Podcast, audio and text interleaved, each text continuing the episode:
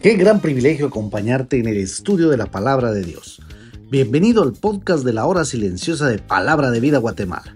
Descubriremos junto a ti los desafíos que Dios nos dará hoy a través de su palabra. Deseamos que hayas tomado un tiempo para leer con anticipación el pasaje del día de hoy.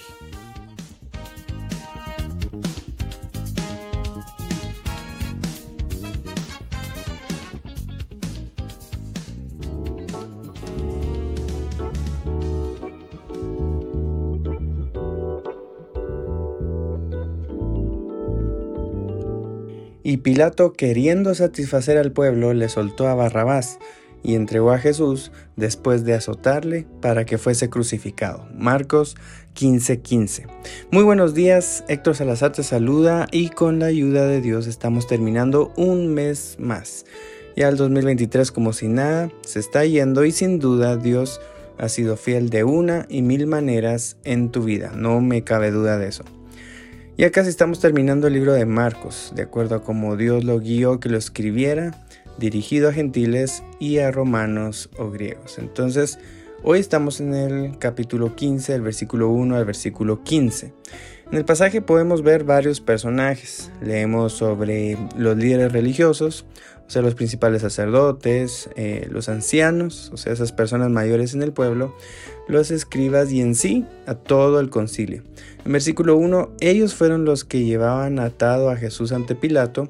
Versículo 3 se dieron a la tarea de acusar mucho a Jesús, dice la Biblia. En versículo 10, Marcos se encarga de poner en evidencia la envidia que le tenían estos sacerdotes y en versículo 11 se encarga de influenciar a la multitud para que pidan que suelten a nuestro segundo personaje. De este leemos en versículos 7 y 11, que es un preso llamado Barrabás, que estaba en prisión por ser un ladrón, un revolucionario y también un homicida. Este Barrabás piensan algunos que por ser tal tipo de malhechor, para él estaba destinada la cruz de en medio, que finalmente tomó Jesús. La verdad, no encuentro ningún registro de qué pudo haber pasado con Barrabás después de que fue liberado. Lo cierto es que nuestro Señor Jesús toma su lugar. Pero quiero mencionar en este estudio más que todo a este personaje llamado Pilato, o Poncio Pilato como lo dice Mateo. Este era el gobernador de la provincia de Judea. Por lo mismo, estaba a cargo de tres cosas. El ejército romano, eh, estaba a cargo de la tributación a Roma y tenía el cargo de poder decidir sobre la vida o la muerte.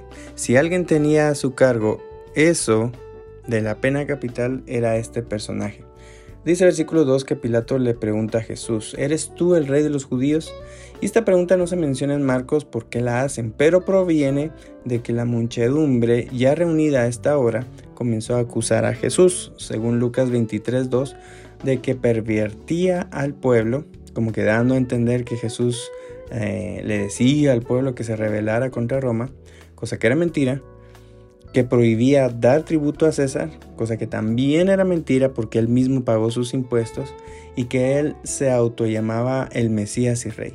Realmente lo que hicieron, tanto los líderes religiosos y el pueblo, fue simplemente usar a Pilato no como juez, sino simplemente como un ejecutor de sus caprichos. El asunto aquí es que Pilato siempre supo que Jesús era inocente. Más de tres veces en el libro, según escribió Juan, al final del capítulo 18 e inicios del capítulo 19, dice que Pilato afirmaba que no encontraba ningún delito en Jesús. Pero en Marcos 15 hay muestras de esto mismo, en versículo 10, que dice que Pilato conocía que por envidia le habían llevado a Jesús los principales sacerdotes. Incluso hasta la esposa de Pilato, nos dice Mateo 27, 19, que lo llama y le dice que no tenga nada que ver con ese justo. En versículo 14, regresando a Marcos 15, Pilato porque sabía que era inocente, preguntó, pues qué mal ha hecho. Además, Pilato probó dos intentos de no querer emitir sentencia sobre Jesús, pero ninguno le funcionó. El primero fue enviárselo a Herodes porque escuchó que Jesús era Galileo, pero Herodes se lo envía de regreso, lo que era una evidencia que ni Herodes encontraba ningún delito. y el segundo era ofrecer liberar a un condenado entre Jesús y Barrabás. Tal vez pensó que como al inicio de la semana lo habían aclamado diciéndole Osana, como el liberador de parte de Dios, como un gran maestro, como hacedor de milagros, entonces ahora iban a pedir que lo liberara, pero no le funcionó.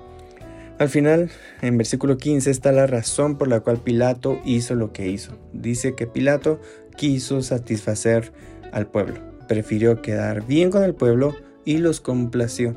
Y sabes, mi querido amigo, lo peor que podemos hacer en la vida es preferir quedar bien con las personas y no quedar bien con Dios. Es una terrible equivocación agradar al hombre y no agradar a Dios. Es una malísima decisión. Por eso, vívelo. Hay mucha base bíblica en contra de agradar al hombre y te lo leo en algunos pasajes. Mateo 6:24 Jesús dijo, ninguno puede servir a dos señores, porque aborrecerá al uno y amará al otro, o estimará al uno y menospreciará al otro. En Hechos 4:19 Pedro y Juan le dicen a las autoridades, juzgad si es justo delante de Dios obedecer a vosotros antes que a Dios. En Gálatas 1:10 Pablo hace la pregunta, Em, pues busco ahora el favor de los hombres o el de Dios, o trato de agradar a los hombres. Pues si todavía agradara a los hombres, no sería siervo de Cristo. Y en Colosenses 3:23, Pablo también dijo, y todo lo que hagáis, hacedlo de corazón, como para el Señor, y no para los hombres Nunca vas a poder tener las dos cosas. No se puede agradar a Dios, no se puede complacer a Dios y al hombre. Así que vas a tener que escoger. O buscas satisfacer a Dios, o si no, automáticamente estás satisfaciendo al hombre y no te va a ir bien.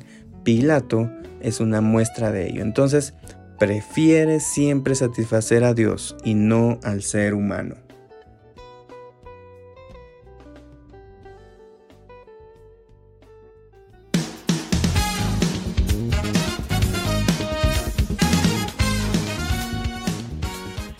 Es emocionante saber los tesoros que Dios tiene en su palabra para nosotros. Ayuda a tus amigos a que descubran la voluntad de Dios para su vida. Comparte este podcast con ellos. No olvides seguirnos en nuestras redes sociales.